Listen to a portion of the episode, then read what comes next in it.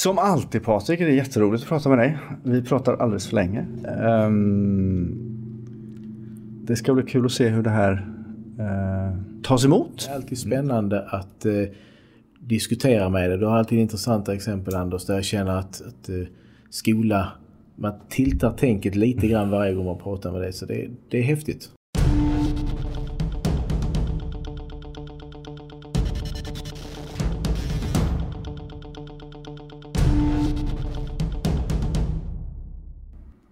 Finns det en sanning om skolan? Naturligtvis finns det inte det. Nej. Eh, det vore väl eh, det vore väl enkelt då. Då hade vi inte haft de här diskussionerna. Då tror jag inte att eh, våra politiker hade stått och gjort det till en stor sak i alla debatter. Eh, vad enkelt det vore om det fanns en, en god sida och en ond sida. Om det fanns en, en skolsauron eller en skol-Darth Vader som vi alla visste hade fel. Eh, det som är det är att det finns ju ingen där ute som pratar om skola som vill skolan ont. Sen har vi olika vägar att vilja skolan gott. Vi har olika vägar till skolan för att skolan ska lyckas. Och där tror jag att debatten fastnar mycket i vad, vad tror vi är framgångsrikast i det långa perspektivet och i det korta perspektivet. Så, så någonstans där hamnar vi. För massa år sedan så var jag på något så tråkigt som en begravning. Men, men eh, på middagen efteråt så, det var en, en, en, en gammal lärarinna av den riktigt gamla stammen, född på 30-talet och gått på vad det nu hette, seminarier. Och, och det var hennes, hennes kollegor som satt runt mig. Och eh, de förklarade för mig att ja, 25–30 procent av eleverna är obildbara. Och sen kan ni ju tänka er vart den diskussionen tog vägen.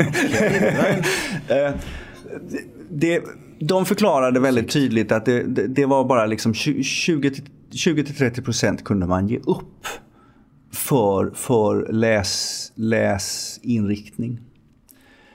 Och eh, men 20-30% behöver lära sig på ett annat sätt var ju min argumentation där och då. Och, och, och det är väl här, det är det som du beskriver lite grann när, när vi försöker förklara skola och när, när, när vi ska göra ett regelverk så görs regelverket för att omfatta alla 100 procentenheter. Mm, det stämmer. Men då måste tillämpningen av det regelverket bli sådant att vi kan anpassa den så att vi kan tillgodogöra den enskilda elevens behov. Och när vi pratade inför det här mötet som vi har nu då så var frågan hur, vad ska vi prata om? Och jag skulle vilja att du beskriver lite grann vad behöver en rektor från omvärlden för att göra skola på bästa möjliga sätt för eleverna? Om vi bara kunde bena lite grann i ena ändan. Det är en jättespännande fråga. Ja. Jag är inte säker på att jag kan ge svaret med stort S men jag ska ge lite tankar. Jag vill ha dina reflektioner bara. Absolut. Nej, men det är, eh, jag ska återkoppla till den här begravningen och de här tankarna som fanns där. 25-30% obildbara. Alltså, det handlar ju mycket om vad, vad vi gör. Vi må, man kan vända på det och säga att okej, okay, svensk skola beskrivs som att vara på dekis. Ett ord som dyker upp ganska ofta är skolkris. Jag väljer verkligen inte att använda det. och Måste jag använda det så sätter jag det inom citationstecken. Eh, därför att man, man börjar i en annan ända och ser på det. Varför är det då så många människor som jobbar kvar inom skolan? Varför flyr inte folk hals över huvud? Många funderar på att byta ett annat, eller funderar på att söka ett annat jobb. Svarar i undersökningar att eh, jag har tänkt tanken att byta till ett annat jobb ändå jobbar man kvar och då, då blir man lite nyfiken på vad är det som håller kvar folk? Mitt svar på den är väl egentligen kanske att vi jobbar med världens bästa råvara.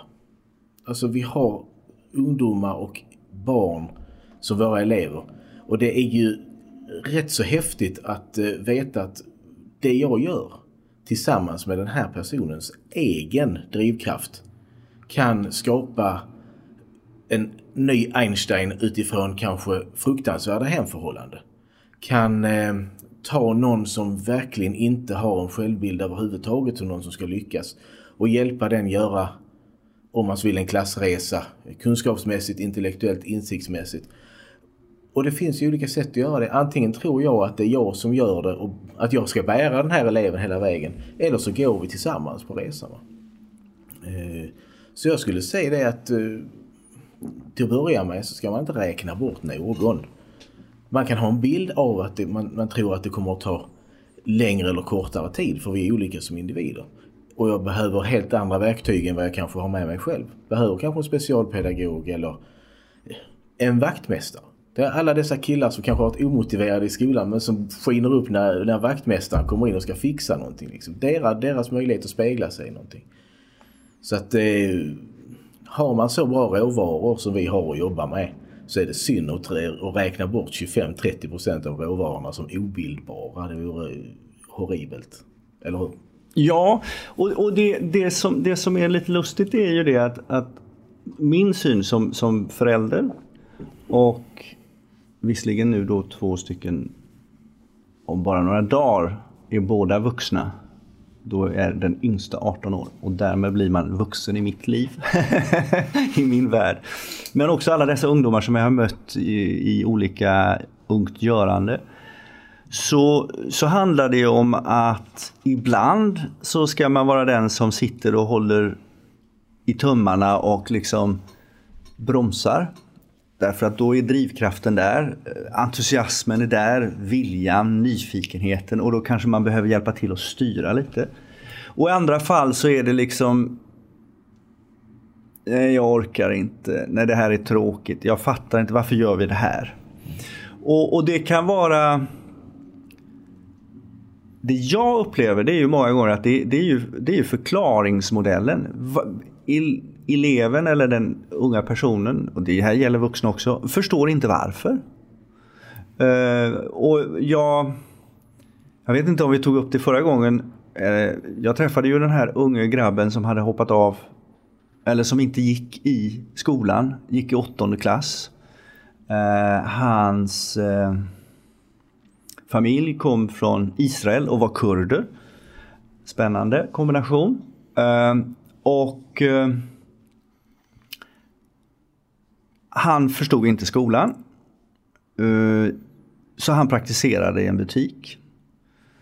Och så pratade jag med honom och sa, vad gör du här? Varför är du inte i skolan? Och hans svar var då, nej jag har tråkigt, fattar inte. Okej, okay. vad gör du i ditt liv?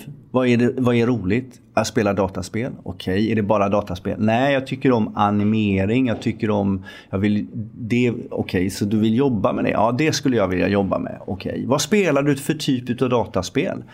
Jag spelar World of Warcraft. Jaha, intressant. Och vad gör du? Hur gör du då? Då måste du gå ut och så måste du skaffa energi och vapen och såna här grejer innan du kan ge dig ut på en quest tillsammans med andra. Ja. Är det kul att skaffa de här energierna och vapnen? Och så? Nej, det är tråkigt. Okej, men varför gör du det? Jo, därför att annars kan jag liksom inte få göra den här resan. Okej. Då har jag en, en eh, sanning för dig. Vet du vad verklighetens eh, energi och vapen och egenskaper heter. Det heter svenska, matematik, historia, fysik och så vidare. Och allt det där måste du skaffa dig för att du ska kunna studera och jobba med animering som du vill göra. Och det var som om liksom pang sa det bara. Och så såg jag hur han liksom började tänka. Och så sa jag så här, vad gör du med detta nu då? Eh, jag vet inte. Du går tillbaka till skolan och så pratar du med din, din, din mentor och så säger du det att jag måste lösa de här bitarna. Och det gjorde han. Och nu går han sista året och jag har stämt av med honom och jag kommer följa honom och jag, kommer, jag har lovat honom att jag ska gå på hans avslutningsdag om han har eh, betyg i ämnena, vilket jag tror att han har förmåga att ha. Och han kommer gå igenom det här. Och då säger hans pappa så här, men det här har jag ju försökt att förklara för dig. Och då säger han så här, men det är ingen som har förklarat för mig på ett sätt som gör att jag förstår. Nej, har, det är ju helt riktigt. Och vad, vad det här egentligen handlar om, alltså, till att börja med är det jättebra att du berättar goda exempel. Alltså samhället måste börja berätta goda exempel kring skolan. För att eh, inte vi ska fortsätta med en slagsida av, av bilden av svenskt utbildningsväsende som, som vi som befinner oss i det inte känner igen oss i. Ja, vi kan känna oss igen oss i problemformuleringar. Men tyngden som läggs i de här problemen är inte i, i, alltså i paritet med, med vinsterna som vi kan se och som du precis beskrev. Jag eh, brinner väldigt mycket för det här med metakognition och metalärande. Att gå ut ur undervisningssituationen, ur svensktimmen, ur lärandesituationen. Ställa sig vid sidan om och titta på den och se vad är det som händer mig här som elev. Precis det som du ger mm. den här killen i, kring, i, i, med dataspelsreferensen. Och att som pedagog göra samma sak.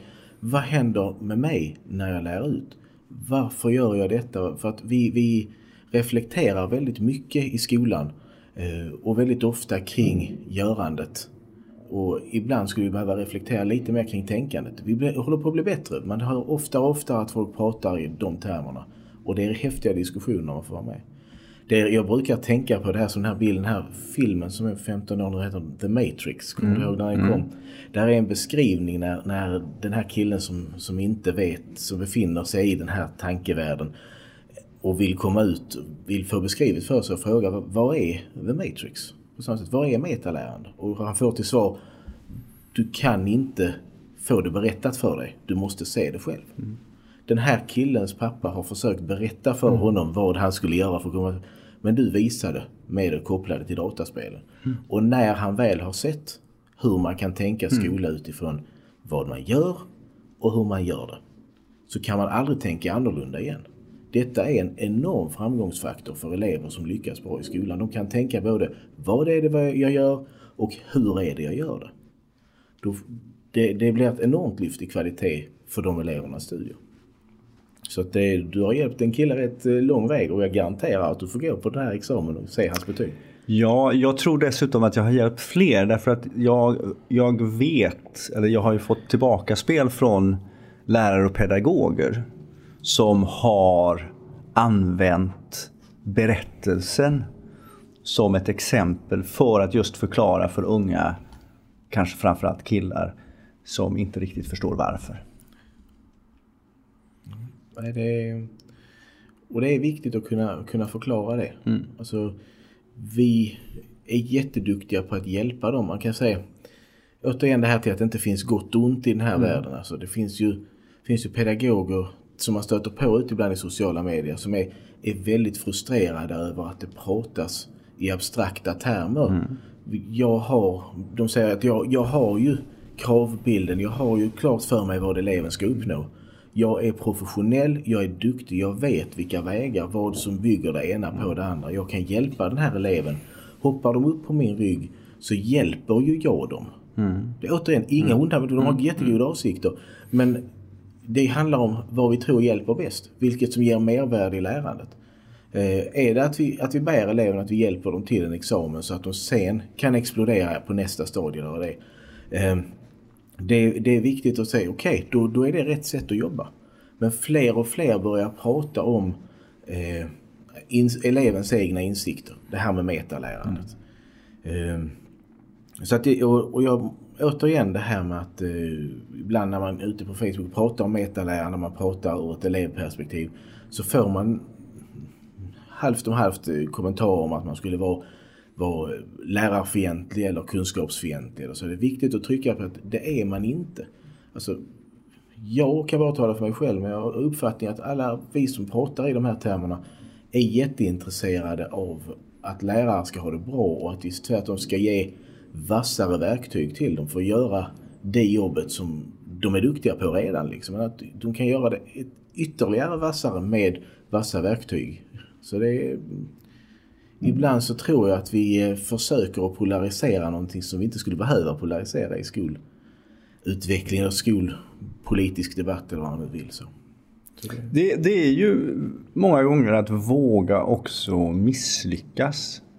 Att våga misslyckas med det, det förhållningssätt som man har. Eh, jag hade ju tre stycken motivation-elever här, eller ungdomar som är ute och föreläser om matte. Eh, med Karl i spetsen, 13 år gammal, som, som lär sista års gymnasiematte till nior. När han själv gick i sjuan. Eh, och han flyger och far runt i världen just nu och åker på olika sådana här matteseminarier och grejer. Men, men det som är så intressant det är ju att deras förhållningssätt är att vi måste misslyckas. Om vi inte kan misslyckas så lär vi oss ingenting. Alltså matte handlar om att våga misslyckas. Mm. Matte handlar inte om att ha alla rätt på proven. Därför att den som, den som har alla rätt på proven och aldrig gör fel kan man ställa sig frågan, har vederbörande verkligen lärt sig matematik? Alltså har verkligen, eller har, eller har man köpt förklaringsmodellen? Jag har ju en dotter som har utmaningar i lärandet. Och hon hade, när det kom till division, köpt upp till 100. Alltså så. Och då hade hon hittat en hon hade inte, hon trodde, eller vi trodde först att hon hade köpt hela modellen. Men hon hade hittat någon annan, så det blev rätt så länge det var under 100. Mm. Och sen när hon gick vidare så blev det fel. Och läraren fattade inte varför. Och jag sa så här, för han försökte ju liksom gå på där han trodde att hon var. Jag sa nej, vi måste backa. Vi måste gå tillbaka till ruta ett därför att det är någonting som hon gör annorlunda som gör att det går snett. Och så fick vi gå, gå tillbaka och börja om från början. Och, och, och så hittade vi ju felet. Och då funkade det hela vägen när vi lärde om. Och det är ju samma sak i, i, eh, i mycket. Men det blir ju, alltså det, och det här, jag avundas inte lärare, men, men det ställer ju... Det är ju jättekrav på lärare och jag, jag beundrar alla lärare. Och jag beundrar också de lärarna som säger så här, det här fixar inte jag. Den här eleven når jag inte fram till. Därför att jag har inte, mitt tänk går inte ihop med den här eleven. Men det är ju därför som vi har specialpedagoger. Det är ju därför som vi har kollegier. Det är de trygga, alltså lärare, man önskar att alla lärare kunde vara trygga och säkra i sig själv. Så är det i alla yrkesgrupper. Vissa är mer, mer trygga, andra är mindre trygga. Men den som kan gå in och säga liksom att jag lyckas inte med denna i en tid när man pratar om, om eh, kollektivt lärande. Mm. Man pratar om arbetslagets vikt. Eh, de tycker jag kanske är, är de lärarna som man, man bör lyfta mm. lite grann. Att, att våga, för det är precis som du säger, alltså vägen till att lyckas består av ett antal eh, snedsteg och felkörningar. Insikten om hur man lyckas kan bara komma genom att man gör ett misslyckande som väcker en tanke i en ny riktning. Mm. Så att det är alltså det är någon som säger älskar dina misslyckanden tror jag har sett mm. någon sån här sida mm. på, på, på Facebook. Jag gillar det formuleringen jättemycket. Eh, sen är det ju det här med att våga, att, att vara trygg som lärare. Det är ju att, att ha, du frågade vad, vad som är viktigt för en mm. rektor. Det är den här insikten om att ingen går till jobb och gör mindre än sitt bästa utifrån hur man har uppfattat uppdraget. Jag, ibland har jag haft föräldrar som kommer till mig och säger Åh, den och den läraren är si och så. Och, så. Alltså, och när det blir den här stormen mot en lärare så brukar jag kunna ställa motfrågan. Tror ni att han eller hon går hit och gör, alltså det, gör någonting dåligt med flit? Tror ni att det finns någon här, vuxen eller ungdom eller barn för den delen, som ställer sig framför tvn eller, eller spegeln på morgonen och säger idag idag ska vi sabba den här dagen riktigt ordentligt. Både för mig själv och för alla andra. Nej, man går till, till skolan och gör sitt bästa utifrån hur man har uppfattat uppdraget. Är det så sen att vi är oense om hur, hur det ut, om utförande eller när så, ja men då får vi prata om hur ser uppdraget ut? Och, och in, inte i ett fördömande utan säga att okej okay, du har uppfattat det så för du, du har varit framgångsrik med att jobba så tidigare. Nu funkar inte det med den här eleven eller men, den här, här gruppen, gruppen funkar inte heller. Nej, precis, precis. Och då, då gäller det att arbeta fram en ny lösning. Så att man slipper känna misslyckande utan att säga okej, okay, jag var tvungen att prova det Sen det, sen det, sen kommer vi i hamn. Mm. Och eh, kanske är det den signalen som man som rektor måste vara stenhård och skicka till sina pedagoger. Okej, okay, det blev inte rätt idag, men jag tror på det. Nästa gång blir det lite mer rätt och sen blir det lite mer rätt och jobbar vi tillsammans så är vi i hamn. Det är ju egentligen en parallell process till hur lärarna ska jobba med eleverna. Nej, okej, okay, det blev inte rätt på mattetalet den här gången, men ändra det. Och så nästa, ja men det blir lite mer och sen till slut är man i hamn. Va? Det är det här med att, att gå tillsammans istället för att bära varandra. Ja, jag hade en eh, mattelärare på gymnasiet som egentligen borde ha undervisat på universitetet. Men vi var hemskt tacksamma att han, eh, Eh, han var ganska bekväm. Han tyckte att det var bekvämt. Han gick in på lektionen och så sa han, var är vi någonstans i boken? Jaha, där! Och så la han den åt sidan och så, och så ritade och berättade han på tavlan och så gick han runt sen. Men han var ju sån så att han kom fram när man gjorde någon ekvation eller något sånt där och så sa han så här, eh, jag kan inte. Ja men lös. Och så stod han och tittade över axeln. Okej, okay, du gör så. Men då ska jag visa. Då ska jag förklara för dig på ett annat sätt. och så förklarade han så som passade mig. Därför att han såg på eleven, och det här var naturvetenskapligt, så att, men han kunde ändå identifiera elevens tankemönster och utifrån det rätta till. Eh, förklaringsmodellen. Eh, jättefascinerande.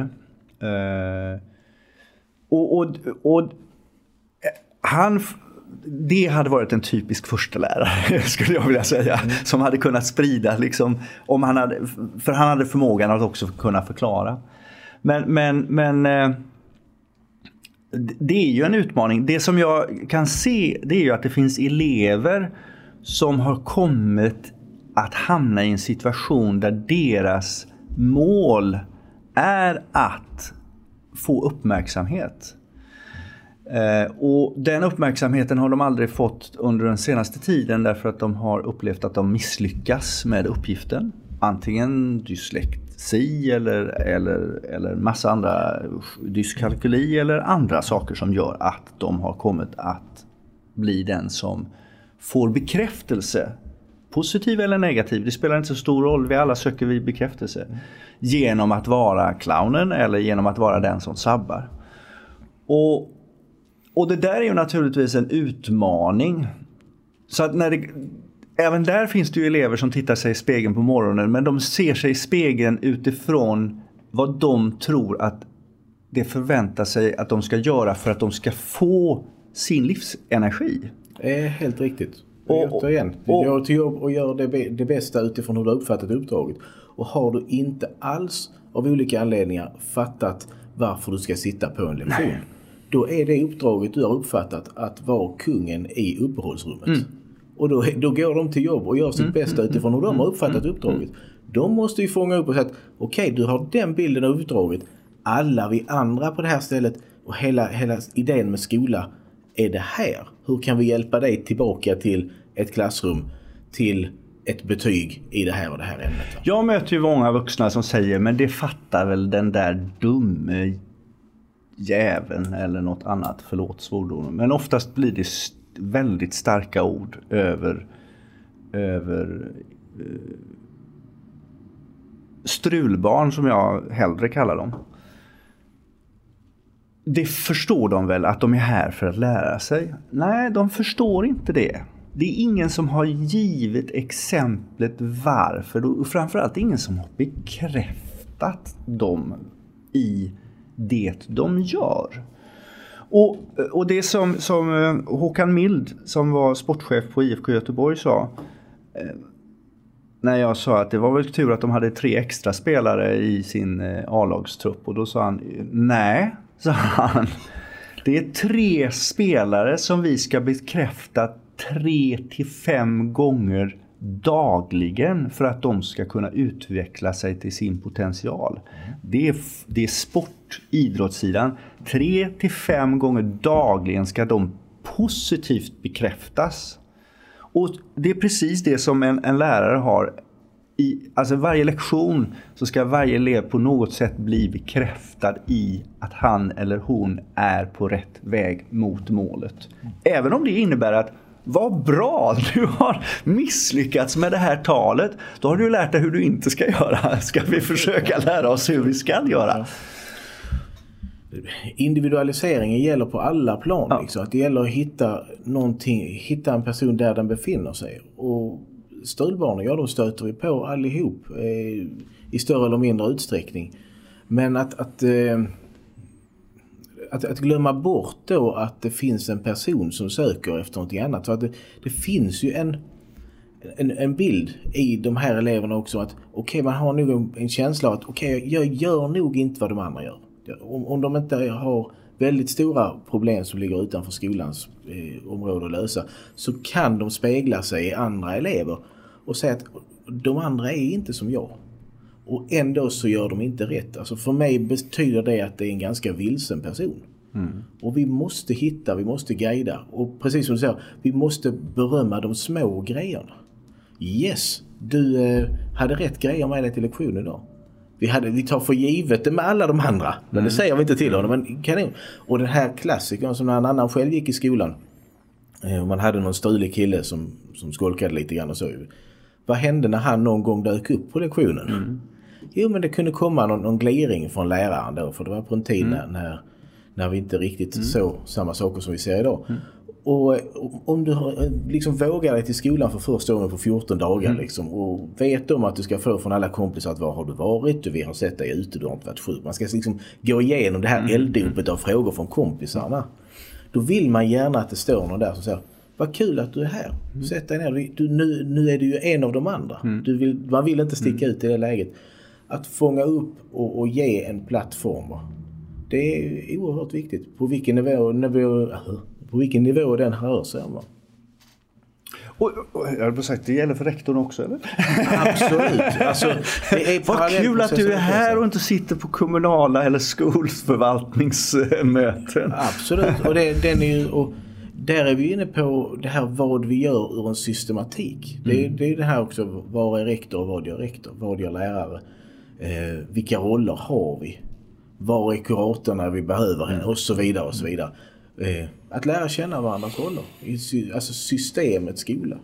Så att vi inte ser oss själva. Jag som rektor och sen så skulle jag kunna klaga upp ett ord i stadshuset så, så fattar de inte vad jag sysslar med. Jag får sätta mig och säga vad är det som händer i stadshuset som jag ska förhålla mig till. Mm.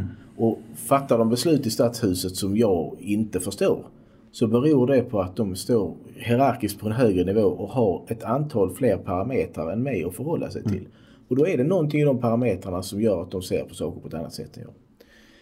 Lärare, rektorer likadant då. Det finns massor av lärare där ute som känner att man inte riktigt förstår sin rektor. Eller de beslut som han eller hon fattar.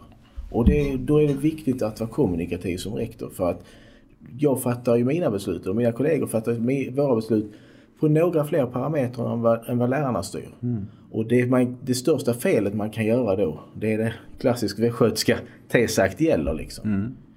Det funkar inte med ungarna. Gå in och säga att T-sagt gäller. Och det funkar inte med vuxna heller. Alltså av, av, vanlig hyfs och respekt så gör man inte så. Utan din startfråga var vad behöver rektor ha? Mm. En kommunikativ förmåga tror jag är jätteviktigt. Att kunna prata med folk om var man vill och varför och kunna måla bilder som, som lärare och elever förstår. Och för den delen också chefer. Det, det här är min resa på lång sikt och på kort sikt med det här med det jag ser. Och sen får man vara med och påverka det naturligtvis och ha åsikter. Det finns ju egentligen fyra åsikter man kan ha kring det. Det är ja, hurra eller hur ska vi göra det? Eller varför ska vi göra det? Mm. Eller nej. Och så får man som rektor förhålla sig till de här fyra nivåerna. För det, skola är i ständig förändring. Och man måste, liksom ta, man måste ta ut en färdriktning och eh, försöka se till att verksamheten rör sig ditåt om man tror på det. Eh, så det, det, är hela tiden det som är. En, eh, och den kommunikativa förmågan där är ju liksom viktig. Man pratar ofta om att rektor behöver mod. Absolut. Det tror jag alla behöver som jobbar i skolan. Den förälder som ska ställa sig, i, eller den, förlåt, den lärare som ska ställa sig på ett föräldramöte där man vet att eh, föräldrarna har åsikter som kanske går vitt isär med varandra eller med skolan. Så den personen kräver också mod. Den här eleven som dyker upp efter 14 dagar eh, i skolan behöver också mod. Mm. Jag tror alltid när det handlar om att befinna sig i lärandemiljöer så är mod det viktigaste. Ja, därför att det, det handlar ju om att våga. Att våga lära sig, att våga expandera sitt kunnande och sin vetskap. Och att, att, att det, det, är ju det är ju en, det är en upptäcktsresa. Man skulle nästan vilja ha den, den inställningen. Alltså, mer mer ett, ett upptäckande än ett, eh, ett måste. Ett krav. Mm. Mm. Det, I det så kommer man ju till eh, den här klassiska balansgången också i skolan. Där eh, jag måste ge alla de här som, som kanske är, är tveksamma till mm. eh, abstrakt skolutveckling eller identitetsutveckling som ett led i skolan en, en poäng också. Alltså det finns två nivåer. Eleven, om man säger att göra vad man vill. Det har eleven ganska lätt till. Det är, alltså det är klart man ska göra det man vill och tycker om i skolan. Men man måste också lära sig att förhålla sig till det faktum att ibland måste man vilja det man gör också. Mm. Att, att eh, lära sig att uppskatta, okej, okay, det här måste jag ta mig igenom. Det, det finns kursplanemål mm. och så. Mm. Hur kommer jag igenom det på ett bra sätt? Är det att sitta med armarna i kors och, eller spela på mobiltelefonen eller vad det nu är man kan göra? Eller är det att faktiskt bita ihop och säga okej, okay, jag kommer att lyckas om jag gör det. Att lära sig att gilla det man gör är lika viktigt som att göra det man gillar. Mm. För det är en, en, del av att bli en samhällsmedborgare. Va? För det, Fast då, då, det, det, här är en av de delarna som fascinerar mig lite grann. Därför att våra barn, de befinner ju sig jättetidigt i, oftast på dagis. Eller förskola som det numera heter. Och det finns ju numera en pedagogik inom förskolans värld och den pedagogiken handlar just om att vara nyfiken, att utveckla etc. etc. Och det jag många gånger upplever kanske att det kan uppstå krockar när eleverna sen trillar in i skolan och möter den gamla skolbilden. Där de har varit liksom igång och utforskat och haft... Jag vet, jag vet någon gång när min son han hade en ung pedagog och deras kassettbandspelare var trasig. Så en dag säger han till mig så här, jag ska ta med mig verktyg för jag ska laga kassettbandspelaren. Ja visst, tar du med dig verktyg? Så han tog med sig skruvmejslar och grejer. Och så kom han till dagis och så säger hans fröken så här, har du skruvmejsel? Ja, jag ska laga bandspelaren. Okej. Eh, men det kanske, och vad kan det ha varit, fyra år eller något, fem, fem. Eh, och eh, det slutade i alla fall med att nej, de hade skruvat upp den där och tittat in och det var nog väldigt komplicerat det där. Eh, så de skruvade ihop den igen. Och det gjorde han till stor del själv. Så vad, vad, skulle man göra nu? Ja, då kanske man ska åka iväg med den till någon som kan reparera. Och då sa hon så ja men då får du väl leta upp i telefonkatalogen det. Och han är en sån här dechiffreringsperson så att läsa hade han börjat och bokstäver kunde han och räkna kunde han. Och så, där. så han slog ju upp och hittade att på torget i närheten så fanns det en gammal radioaffär. Så de ringde dit och sen så åkte han och fröken dit med den här och fixade och dona. Och det, är liksom, det var hans sätt att lära sig. Och han lärde sig massvis med saker under resans gång. Och sen trillar in i, ett, i, en, i en miljö där det liksom ska ha böcker och inte få rusa iväg och så vidare. Det blev ju lite kaos kan vi säga. Så är det och det är ju en, en eh, det är ju när det kommer kravaspekten in. Det är det som egentligen skiljer förskolans läroplan mot skolans. Att förskolan har en, en, en eh, öppnare syn på vad barnen lär sig, hur och när. Så, medan skolan har ganska tydligt det här ska vi mm. ha med oss på resans gång eller när vi når upp till, till nian åtminstone. Mm. Och att man bygger på det eh, centrala innehållet. Det här ska vi gå igenom, det här ska vi, ska vi hinna med. Egentligen så ska jag säga att det är, det är viktigt att förstå att det, är det centrala innehållet behöver inte egentligen i metod ändra det andra. Det handlar bara om att, att, hitta kopplingarna. Mm. Vad lär vi oss när vi slår i telefonkatalogen? Hur lär, vad lär vi oss när vi åker buss till torget? Eh, vad, alltså att få eleverna att prata, redan där, vi pratade metalärande innan. Vad, varför vill du laga den här? Jo, den är sönder. Den, vi kan, alltså få prata om hur han tänkte när han ville ta med mm, sig mm, verktyg. Va? Um, då lägger vi grunden för att ha, de har rätt så många mentala verktyg med sig in i skolan. Mm. Och ju fler mentala verktyg du har uh, och, med, och, och du får pedagoger som är medvetna, vilket de allra flesta är då, om att det finns olika mentala verktyg och vi har olika, olika vägar att nå kunskap. Når jag inte dig på det här viset så når jag dig där. Då kan man i dialog, i samtal med de här eleverna låta dem vara med och samskapa sitt lärande. För det är det, det fröken gör i det här, hon samskapar lärande. Mm. Jag tror ju att eh, det skolan är, alltså där vi står, på den tröskel vi står som kommer att göra, ge oss rätt så stor framgång det är ju just att vi håller på att bli bättre på att involvera eleverna i sitt eget lärande. Det är fler och fler personer på, i sociala medier som, som vittnar om sina flippade klassrum. Som, som vittnar om häftiga grejer som händer när man börjar med formativ bedömning. Där eleverna börjar tänka helt annorlunda. Och givetvis så får vi inte glömma bort att det sitter ett antal elever där inne som mådde väldigt gott av alltså, ja, beting om vi så vill. Va? Mm. Den gamla typen av skola. Vi får inte glömma det. Alltså, det är också ett verktyg. Vi, vi ska inte värdera verktyg. Vi hamnar väldigt ofta i att, att vissa verktyg är bättre än andra. Det enda vi kan säga vilka verktyg ger ett mervärde? Vilka verktyg ger kunskap och insikt om lärandet? Där hävdar jag att det finns verktyg som är bättre och du beskrev precis ett här med med att, att åka iväg och faktiskt vara med och om man, om man tar en sån sak som Många pratar om flippad klassrum. Mm. I tre meningar, vad är det? Egentligen så handlar det om att min, min, personliga bild, jag är på inget sätt proffs på det här området. Så skulle jag få göra för, för stora uttalanden och prata med stora bokstäver här så kommer jag få alla vara Vi skulle haft Oskar här. jag tror att Oskar hade varit helt rätt kille för att svara på detta. Han är oerhört, en oerhört klok man. Så att, eh, mm.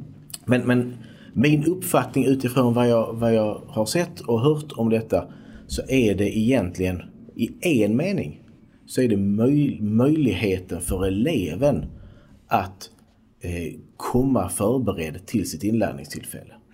Man kommer inte som ett blankt kort utan man har av olika anledningar på grund av att man har förarbetat inlärningstillfället. När du, det, det behöver inte vara en lektion, det kan vara hemma, det kan vara framför paddan, det kan vara när det nu uppstår insikt kring någonting. Men man har förarbetat det så att i inlärningstillfället så, så faller poletten ner snabbare och man kan se hur saker och ting hör ihop. Jag tror det är där, någon sa till mig kring det här med flippande som hade varit över och studerat i USA. De fick frågan, vad skiljer det amerikanska skolsystemet mot det svenska?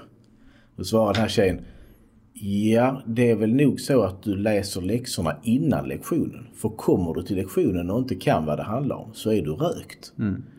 Eh, det är väl den bilden som jag har av, eh, av ett flippat klassrum. Och jag tror att för de här eleverna som, som inte riktigt vet varför de kommer till klassrummet överhuvudtaget. Har de fått läsa texten en gång. Eller om de har svårt att läsa, svårt att ta in det. Fått det läst för sig. Eh, fått det i enklare form. De här fem meningarna är det viktigaste vi kommer att prata om på nästa lektion vilka enorma förutsättningar de kommer att få att bidra till diskussionen i klassen som de inte hade tidigare. Så det, det, det, händer, det händer häftiga grejer på det området och det finns ju de som är helt otroliga. Utan att göra reklam för, för eh, någon så ska man ju säga det att eh, gå in på social media om man är nyfiken på det här. För det finns de som jobbar med det väldigt intensivt och har kommit långt. De är väldigt duktiga på att dokumentera och kommunicera vad det är de gör och lägga ut häftiga exempel. Det finns ju de som så att säga har tavelgenomgångarna på internet och skickar dem till eleverna. Så att när, när man kommer till matte eller fysiklektionen så sitter man och jobbar med sina uppgifter och Exakt. får hjälp utav läraren istället. Det eh, Men det, det, ställer ju, det ställer ju förändrade, alltså det ändrar ju sättet att planera sin undervisning. Och det ändrar ju också sättet i förhållande om du ska jobba tillsammans med andra lärare så, så måste de ju förstå att du jobbar åt ett på ett annat sätt. Vad gäller USA så kan man bara kort säga det att USA är jättestort. Och det finns flippade klassrum och det finns konservativa klassrum. Absolut, det här, den här men, men, men, men, eh, det finns väldigt många goda exempel. Precis som det finns goda exempel i Sverige Absolut. på där detta fungerar. Jag kopplar ju bara till själv när jag läste juridik på universitetet. I, då läste jag all kurslitteratur rakt igenom. Så fort en kurs började köpte jag kurslitteraturen, läste den. Struntade i om jag förstod eller inte. Det var inte viktigt. Jag läste bara. Mm. Tuggade mig igenom. Och de sista sidorna i boken gick alltid lite långsammare för då helt plötsligt, ja men där. Sen när jag gick på föreläsningarna så, så poppade det upp klarhet på klarhet på klarhet på klarhet därför att jag hade förstått. Och det flippade klassrummet det är ju enk enklaste bildexemplet eh, är ju att, att vara svensklärare och prata om en bok. Så har alla läst boken, annars är det ingen idé att prata om det. Eh, men det vi oftast gör är att vi pratar om boken och sen ska alla läsa den. Det är det oflippade klassrummet. och då blir det ju lite, då blir det ju lite absurt. Uh, och Sen måste vi vara duktigare på att komma med relevanta exempel. Alltså eh, både varför men också exemplifiera oavsett om det handlar om matematik eller någonting. Många gånger så, så jag älskar matte. Trots att jag är jurist. Eh, så finns det ju då många som säger så här, ja men det är så svårt att komma med exempel på varför. Eh, och eh, vi hade ju till och med en finansminister som uttalade sig om att man kunde inte känna derivatan. och berg och dalbana säger jag bara, så, så, så känner du der, derivatan hela tiden. men, men eh, och, och då måste man liksom ge de här bilderna. Mm. Uh, för att kunna för att kunna förstå. Och, och där behöver vi kollegiet, där behöver vi andra som inte jobbar inom lärarprofessionen. Där vi, måste, vi måste prata om lärandet. Därför att vi, vi befinner oss ju i ett samhälle där vi ska lära oss hela livet. Absolut. Och jag respekterar eh, de pedagoger som känner att det här, som inte känner sig trygga med det här. Ja. Därför att elefanten i rummet, det vi inte pratar om, är, är kontroll. Va? Mm. Och vi är stenhårt tvungna att ha kontroll, vi som jobbar i skolan. Kontroll över att eleverna har lärt sig, kontroll mm. över att vi kan bevisa mm. vad de har lärt sig. Och alltså, ja, och att då göra väldigt abstrakta inlärningstillfällen. Tänk om jag inte kan föra i bevis att de lär sig. Jag vet att de lär sig på det här viset, skulle alla pedagoger kunna säga. Men risken finns att det finns en oro att om, om, om det läggs på mig. Och jag har en enorm respekt för de pedagogerna som sitter där ute och känner, känner så här. Va? Min personliga erfarenhet är att om man, om man litar på det man gör, om man är en duktig pedagog, vilket jag, jag, jag tror bara jag stött på någon enstaka under hela min tid, och då pratar jag för jag själv gick i skolan som sjuåring fram till idag, som inte jag känner liksom har haft det där. Bara det att man har haft det inom så många olika områden. Men eh, om man då känner att okej, okay, jag kan släppa kontrollen. Jag har planerat väl, jag genomför min verksamhet väl, jag känner de här eleverna, jag har en relation till dem. Då kan jag släppa kontrollen till dem för den kommer att komma tillbaka till mig. De kommer att vara nyfikna på att, att genom mig få reda på är jag på rätt väg. Mm. Eh, och då är vi tillbaka i bekräftelsen. Absolut, absolut. Så och alla vill ha bekräftelse på något sätt. Mm. Så kan man liksom bara få till en, en, en social struktur som innebär att du får bekräftelse så kommer eleven att söka bekräftelse. Precis på samma sätt som strulbarnet söker bekräftelse därför att den får i alla fall en utskällning det är den bekräftelse den får, så kommer den att söka den bekräftelsen. För man vill ha sin bekräftelse. Får man inte eh, ett positivt, ett, ett glatt ord utan, utan möts av den här läraren som säger jaha, vad var du igår? Istället för varför är vad kul att du är här. Ja, det, det, det är viktigt va? och hela tiden så jag kommer tillbaks i tanken, jag vet inte hur jag ska landa in i det, men jag kommer tillbaks i tanken till därför vad behöver rektor? Och, ehm, och tillbaks i det kommunikativa, att skicka signaler till sina lärare på samma sätt att man gör bra saker, att man är på rätt väg. Att, eh, och där jag känner att läraren och jag inte tycker exakt lika, där måste jag också säga, alltså, innan man går in och säger så här tänker jag och får den här personen att säga oj det är helt annorlunda än vad jag tänker. Så måste man också ha försäkrat sig om att det finns en förtroendeplattform. Det som säger att okej, okay, jag som pedagog, jag har en rektor som säger något, och pratar ett annat språk än vad jag gör vad det gäller pedagogik. Men jag duger gott som jag är. Jag kan titta på, jag kan plocka guldkornen ur vad rektor håller på med och, och införliva det i mitt sätt att jobba. För att vi är mycket lärare. Alltså man är lärare. Man jobbar som andra jobb men man är lärare. Det är, det är ju så. Det är, det är mycket identitet i det här jobbet. Alltså. Det är superviktigt att man får lov att bli bekräftad i det. En modell som jag använder med mina lärare när vi pratar om det här att, att jobba eh, är, är, utfall och insats. Alltså, det finns en risk i skolan att om man, om man inte jobbar med eh, analys eller reflektion om man inte får tid till det. För det är mycket av det vi i håller på med i skolan är görande. Alltså vi måste sätta av tid till eh, utvärdering, reflektion och analys. För då kan vi hamna i ett läge att om vi känner att vi jobbar, vi gör en insats som är massiv, jättestor. Men vi känner när vi kommer till terminslutet vad det gäller betyg eller vad det gäller uppförande eller vad det gäller rent generellt på skolan så får vi inte det utfallet vi, vi önskar. Så massiv insats, vi jobbar för alla lärare i Sverige, jobbar stenhårt. Det är ingen som går hem och säger att idag har jag 45 procent av min år kvar utan man, är, man jobbar stenhårt. Va? Och då gör vi ett väldigt stor insats. Frågan är, får vi utfall för det vi gör? Är det så att säga en rak linje mellan de här två eller, är det, eller får vi inte ut vad vi, vad vi petar in i ork? Då kan man börja fundera på, hur vänder vi det?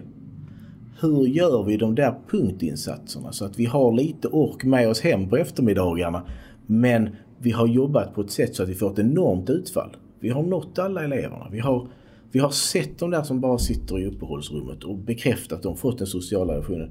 Kan man jobba på det viset? Så att jag pratar mycket om att vända stort, stor insats, litet utfall till liten insats. Alltså med förståelse för att det är punktinsatser som man får ett stort utfall av.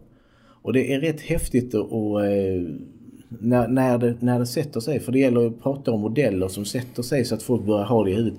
Det kom en pedagog för ett par dagar sedan till mig och sa Nu gjorde jag den här grejen. Jag hoppas det ger det där stora utfallet som vi pratar om. Mm. Alltså befästa tankar hos mm. oss som, som vi kan hänga upp det på. Va?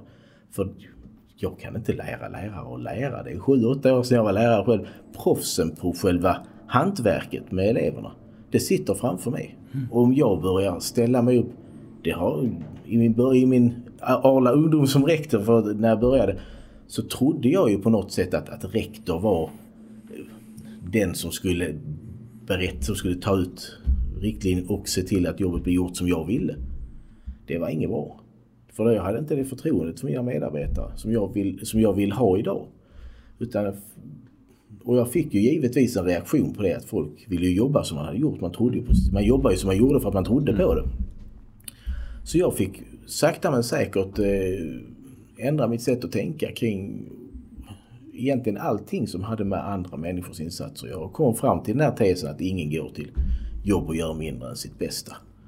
Faktiskt en kollega, när, det hade kört sig rätt så hårt för mig vid ett tillfälle med, med en personal så var det en kollega som kom fram till mig och sa det att du, du vet om att de inte gör det för att jäklas med dig. Va? och det var det, där var då polletten trillade ner för mig. Det var min Matrix-grej. Mm. Just, alltså, alla här gör ju sitt bästa och jag har varit rätt så hård i mina omdömen om deras mm. bästa. Mm. Och så fick man en möjlighet att ändra sitt tänkande. Och det ser, den, den flippen ser jag gärna sker där man känner att man de här som du gick på begravning med mm. som säger att 25-30% procent mm. av, av eleverna är obildbara. Tänk om den flippen händer där. Då kanske de skulle nå 10, 15, 20 procent av de här eleverna som inte nådde tidigare. Och få förvalta vår bästa råvara mm. mycket, mycket bättre.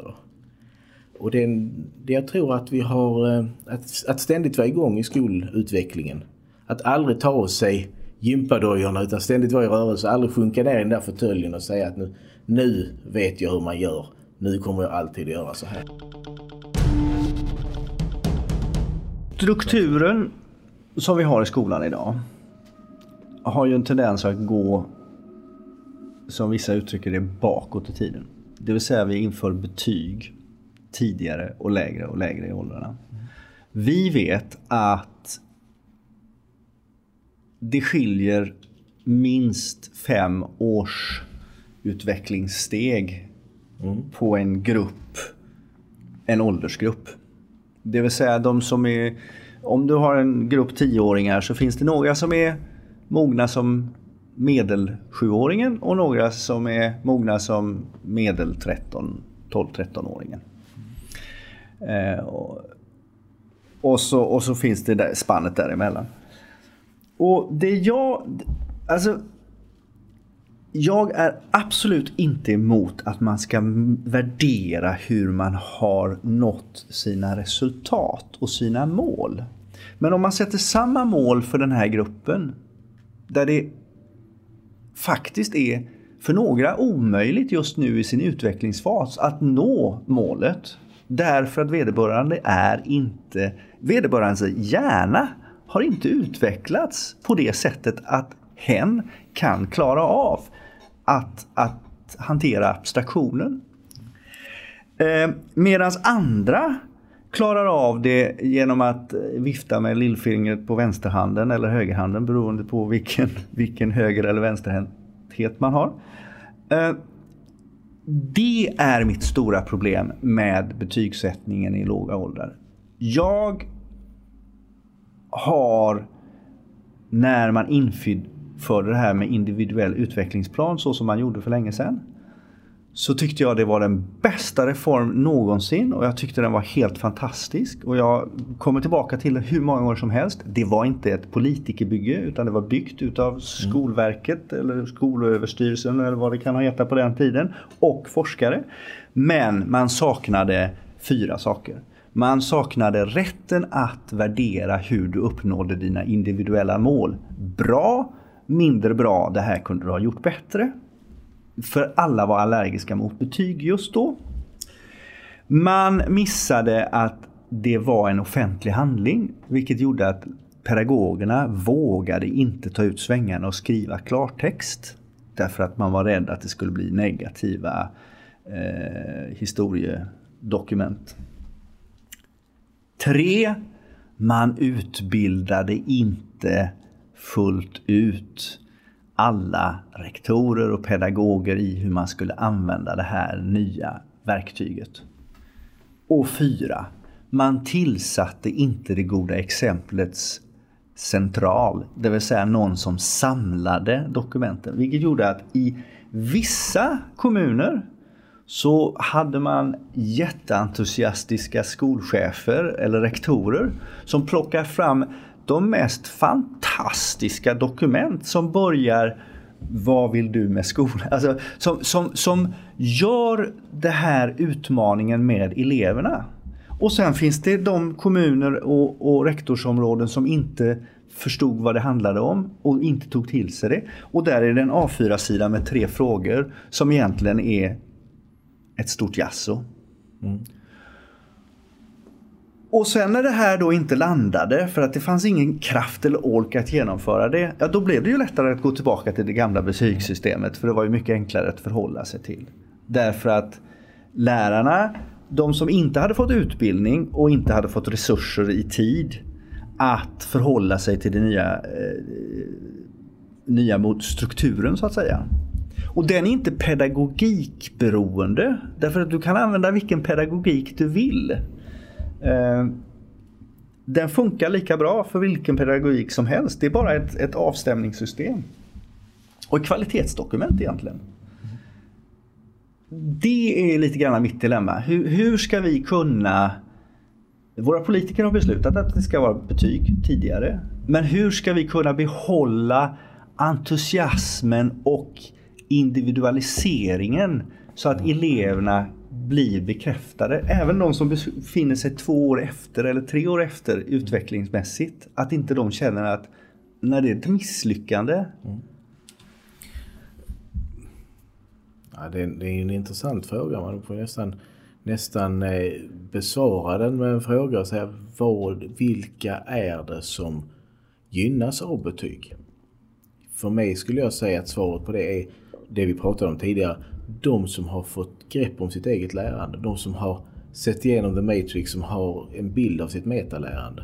För då kan, de kan gå ut, de tittar inte på betyget som en stämpel på dem som personer.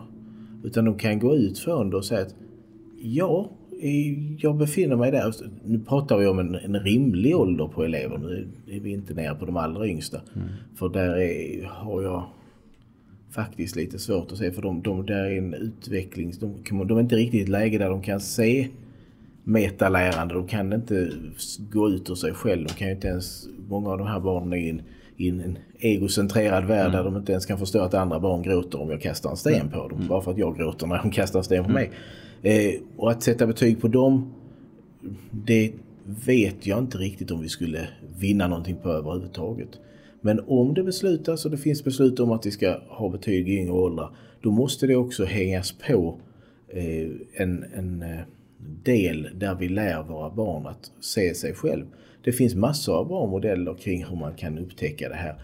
Att prata med eleverna om lärandet varje vecka, att, att sätta av tid och få en, en liten dialog. Vad har varit lätt, vad har varit svårt den här veckan? Det är en väg, just för att få dem att förstå att ja, din prestation är det vi bedömer. Vi bedömer inte dig. Alltså för de här eleverna som inte kan göra den skillnaden så är betyg oerhört destruktivt.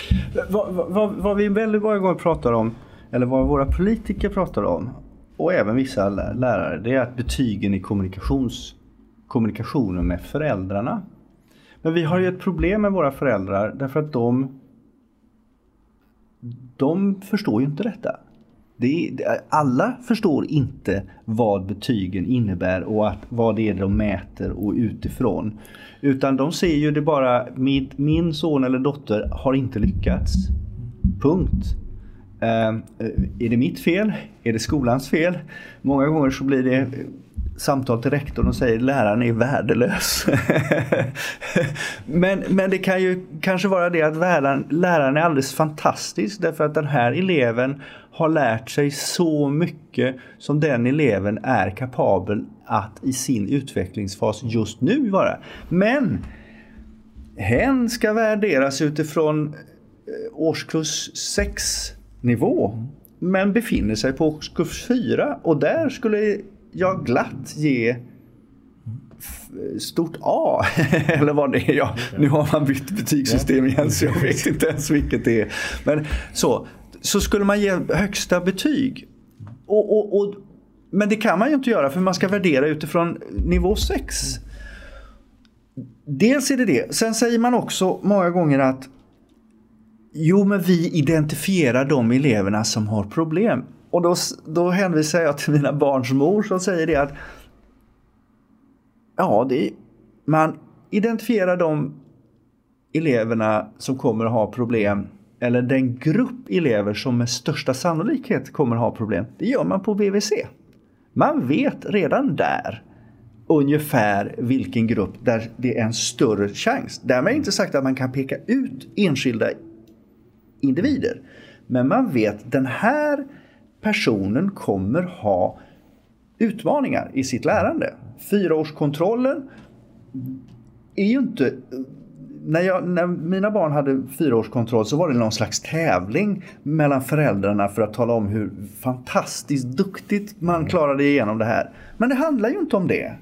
Jag har ett barn som är motoriskt jätteutvecklat men, men eh, språkligt inte lika långt stående.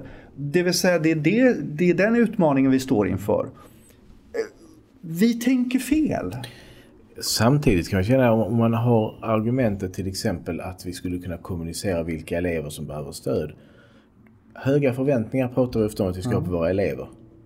Då vill jag ha det på våra lärare också. Vill, det, det, då kan jag gå till vem som helst av mina lärare som jag har varit rektor för någonsin. Knacka dem på axeln och säga du, vilka av dina elever behöver stöd? Mm. Och de kan säga det rakt av. De kan oftast säga vilken typ av stöd de behöver, vilken mängd, alltså man kan, flera stycken eh, parametrar kan de ge mig mer än vad ett betyg hade kunnat göra. Så att egentligen tycker jag att där måste vi investera mer förtroende och förväntningar på våra pedagoger. För de kan tala om det här för oss utan ett betyg av den anledningen att man skulle hitta eleverna som, som behöver stöd. Det, vi, måste, vi måste tro på att våra lärare kan det. Jag hade ju utmaning med min son som är som jag, lite mattenörd och sådär. Och som, som första klass då sa han Åh, ge mig matteboken! Och sen i slutet av oktober så hade han räknat ut den. och sen ge mig nästa! och sen så sa lärarna till slut att det här funkar inte. Och då började jag plocka fram exempel och gav som jag hämtade hem så han fick uppgifter så att han inte sprang iväg för långt utan han fick sådana här tankenötter att sitta och jobba med. Då var det i min dotters lärare. Hon kom till mig och så sa han du jag vet att du håller på med det. Jag har en sån också. kan inte jag få lite material? Och, och, och det, för det har inte jag. Och det handlar ju om att skapa det här att, att vi hjälps åt och att, att, vi, att vi vågar se. Se eleven där han eller hon är och se läraren där han eller hon är. Och, och våga ställa, vad kan jag göra för dig för att du ska göra din, din uppgift bäst? Och det kan, det kan ju vara jag som förälder. Vad behöver du av mig? Den är klok. Alltså vi är, det här med att, att stå till svars inför föräldrar. Jag har varit på så många föräldramöten där, man, där jag har använt samma mantra där jag säger att kom till oss eh, när, ni, när ni känner att skolan gör någonting som ni ställer frågetecken kring hemma vid köksbordet. Alltså det, det där låter inte bra eller vad, vad tänkte de där? Kom då med en gång innan frustrationen kommer. För all, och allt som oftast så är det ett missförstånd eller så är det eh, att vi inte har kommunicerat eh, på det sättet så att vi har riktigt oftast kanske eleven har varit bärare av, av förklaringen och det har inte riktigt gått hem. Eh, eller så har vi i enstaka fall inte tänkt fullt ut. Vi har ändå 200-300 inter, interaktioner mellan människor varje dag så att allt kan inte bli rätt. Det vore omänskligt. Men om man som förälder då vänder sig till skolan Vet ni vad? Vi pratade om detta hemma, vi hörde detta hemma. Det låter inte som eh, skola. Eh, berätta för oss hur ni tänkte. Så kan vi oftast ge ett svar. Vi kan oftast reda ut det där och vi får en förälder som inser att ah, det här är kompetenta människor som tar hand om mina barn. Ja, de, de lyckas ibland fantastiskt bra, oftast alldeles utmärkt. Ibland så misslyckas de. Det är mänskligt. Men att man inte går hemma och samlar på sig alla upplevda misslyckanden till man har en, en stor, stor säck av upplevda misslyckanden hemma som man går till skolan och häller över rektor eller lärare. Utan att göra som du säger, att det här har vi stött på. Vi behöver utmaningar för min son. Jag tänker så här. Jag är helt övertygad att de allra flesta lärare, när man kommer så med öppen hand och pratar, hade börjat föra en dialog med dig så du får just det här. Jag vet att lärare gör det. Därför att jag, vi hamnar i en situation jag, jag gillar ju bra när jag är nyfiken och jag, jag och, och, jag, och jag ser saker och ting. Mm. Och, och, Vi hade en kille som var eh, strulpelle. Eh, strulgrabb verkligen. Han, och, och till slut så, så gav ju pedagogerna upp. Han var ute mitt, mitt i lektion så var jag på väg för att hämta någon, något av mina barn men de hade fortfarande lektioner. Jag vet inte vad vi skulle göra. Mm. Och han satt i sandlådan och det var november och han hade inga skor på sig. Och där någonstans hade hans pedagoger gett upp. De orkade inte. Och så kom jag till skolan och så ser jag honom där. Och jag är ju sån så att jag kan ju inte... Jag måste ju säga... Jag måste ju göra någonting. Det är något som inte stämmer. Så jag gick fram till honom och sa ursäkta mig men du, du måste ha hamnat fel. Och så lyfte jag upp honom och han kan ha varit 7-8 år. Så lyfte jag upp honom i min famn. Och så är det dagis band, alldeles jämte. Så går jag över och så sätter jag honom i sandlådan på dagis. Och så säger han, vad gör du? Jo men alltså du är ju så gammal så att du förstår ju att, att, att du, du borde ju förstått att man kan ju liksom inte vara ute utan skor och inte vara inne på lektion och lära sig. Utan, men då, då är det nog dagis, eller? Nej, okej. Okay. Vad är det då? Och så, och så följde han med mig in och så tog vi på. Och nästa... Och det är naturligtvis, alla, alla kan inte göra så. Det passar mig att göra så. Nästa gång vi möttes, när jag kom till skolan, så möttes jag dels utav honom. Han var ute på rast. Och han pekade. Titta! Jag har stövlar på mig. Ja men det är bra. Då är du, då är, då är du ju på rätt ställe. Du är i skolan, vad bra. Och, så, och sen så fick jag, träffade jag hans pedagoger som sa tack. Just den dagen orkade vi inte. och jag sa det, det är okej. Okay. Och då får vi andra hjälpa till då. då. Och, och ta, ta, ut den där svängen. Men göra det med hjärtat. Och inte lägga oss i professionen, för det ska lärarna göra. Det, det man tänker på den berättelsen skulle ju kunna ta en annan vinkel beroende på hur han ja. hade uppfattat din handling. Så att det, det Men då hade jag inte lyft över honom. Precis, Precis. Det är liksom, det, man, man får ju vara extremt lyhörd. Va? Eh, där, där, är ju, där är ju en, ibland tänker jag eh, att skolan är ju ett så enormt komplext eh, system. Där finns ju nästan inga raka orsakssamband. Gör det här så händer det här. Och det är därför jag känner att den skolutveckling som jag vill prata om och den skolutveckling som, som politiken oavsett färg pratar om. Vi, vi pratar inte riktigt rätt, vi pratar inte riktigt samma språk därför att där vill man gärna ha till raka orsakssamband. Vi får bättre ordning och reda av betyg. Vi får, vi får eh, mer studiero av mindre klasser eller vad det nu kan vara för någonting. Men om man, om man tänker på vad skola egentligen är så, så alltså ur ett rektors, eh, eh om man till och med pratar ur förvaltningsperspektivet så ska man alltså leda chefer, rektorer som då har en egen vilja och har någon typ av drömmar och tankar om vad man vill. Som i sin tur ska leda ledare, alltså lärare som, som, som har sin vilja och tanke på hur, hur det här ska bedrivas. Som ska leda individer som har sin vilja om hur det här ska fixas och donas och som påverkas av ett nätverk utanför i form av familj och föräldrar som har sin vilja av hur det här ska få sig upp. Ibland pratar man om att det är svårt att backa med släp. Jag hörde någon föreläsare vid något tillfälle som sa att den här processen är som att backa med fyra släp. Liksom. Det gäller att, titta var hamnar den sista vagnen. Hur når vi de här som det egentligen handlar om, våra elever, va? i den här enormt svåra processen. Ja, och för er då som kan backa med släp så... Det kan vi inte. Jag kan det. Vad glad jag är för din Dock inte fyra. Men jag kan backa med släp. Så vet man det att om du bara står och tittar på, fram, alltså på framdäcken på bilen så undrar du vad i hela friden sysslar han med? Och, ha, och, och det där är perspektivet. Alltså om man bara ser det.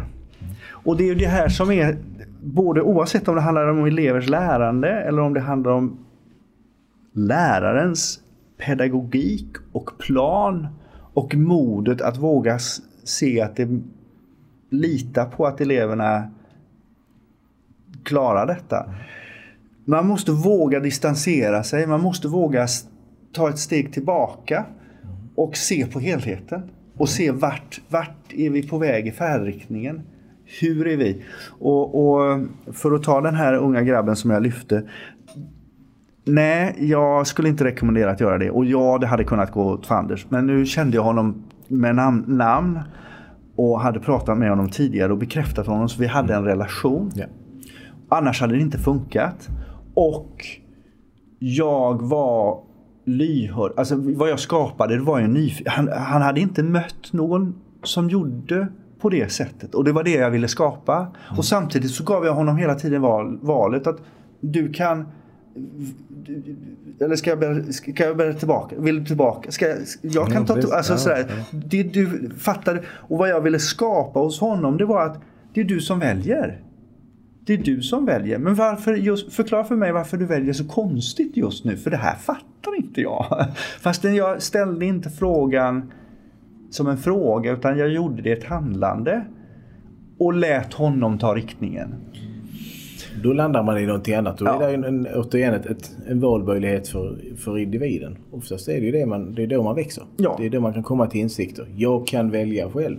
Går jag dit så händer detta och går jag dit händer detta. Mm. För, ibland en fråga, vad, vad ska vi egentligen lära våra elever? Liksom, om man ska, och om man lägger hela kunskapsbatteriet som vi givetvis ska lära dem åt sidan ett litet ögonblick. För det är, allt det där ska de också kunna. Jag vill inte att någon känner att, man, man, att jag förnekar det. Men jag brukar säga två saker. Om vi ska skapa elever som, som kommer att funka och få ett, ett liv som är bra. Det lär vi dem empati mm. och vi lär dem konsekvenstänk. De två sakerna.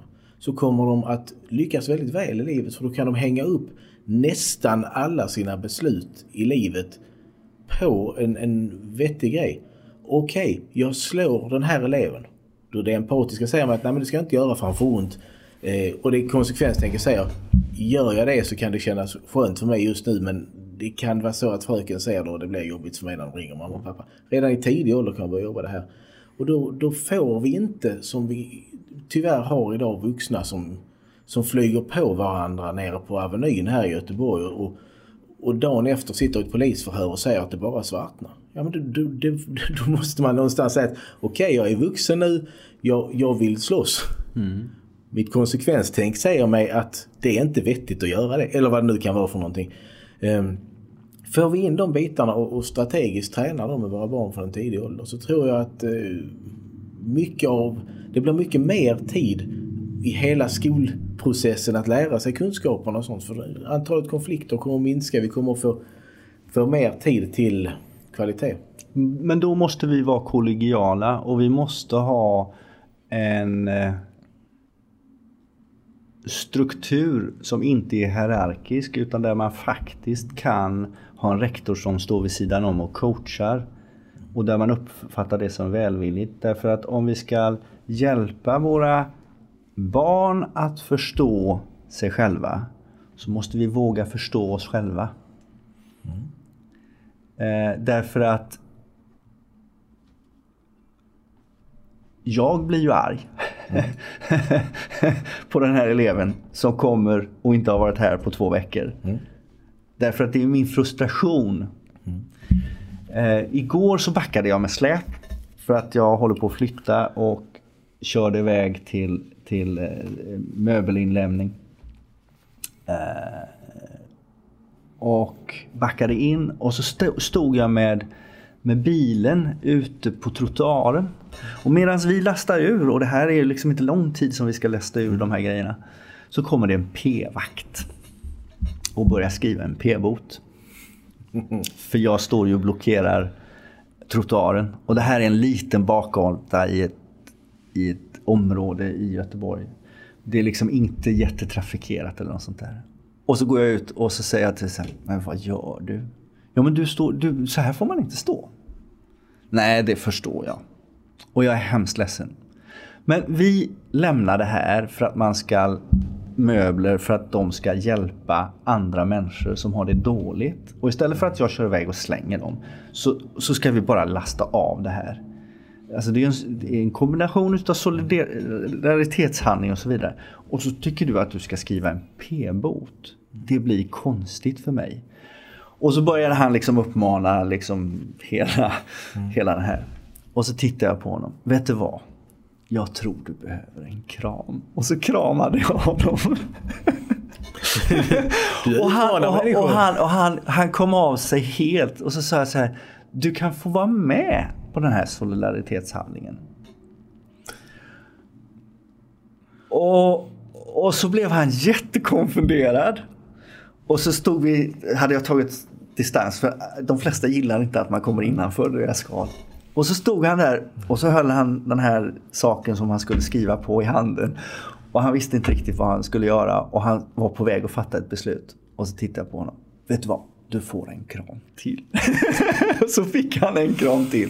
Och så sa han, hur lång tid tar det? Ja, det tar fyra minuter, sen kör vi iväg. Ja, ja, men det är okej. Tack. och, och, och de som stod vid inlämningen, alltså folk, de, de var ju jättefascinerade. Men, men vi måste våga närma oss varandra. Ja, jag hade kunnat få en smäll.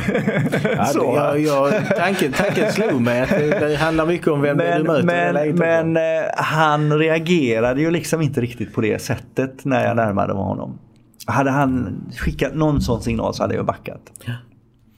Mm, nej, det är... eh, Och det, är olika perspektiv. Man hamnar i, han, han har sitt perspektiv när han kommer till dig. Eh, som bygger på att han vet vad som ska göras och varför. Jag hade kunnat möta honom och säga du är dum i huvudet. Du kan la för 17 inte skriva en p-bot här när jag står och lastar av. Så hade jag fått en bot. Naturligtvis. Därför att han hade inte kunnat backa därför att han visste att han hade regelverket på sin sida. Men vad jag istället gjorde det var att säga Jag förstår, du har rätt.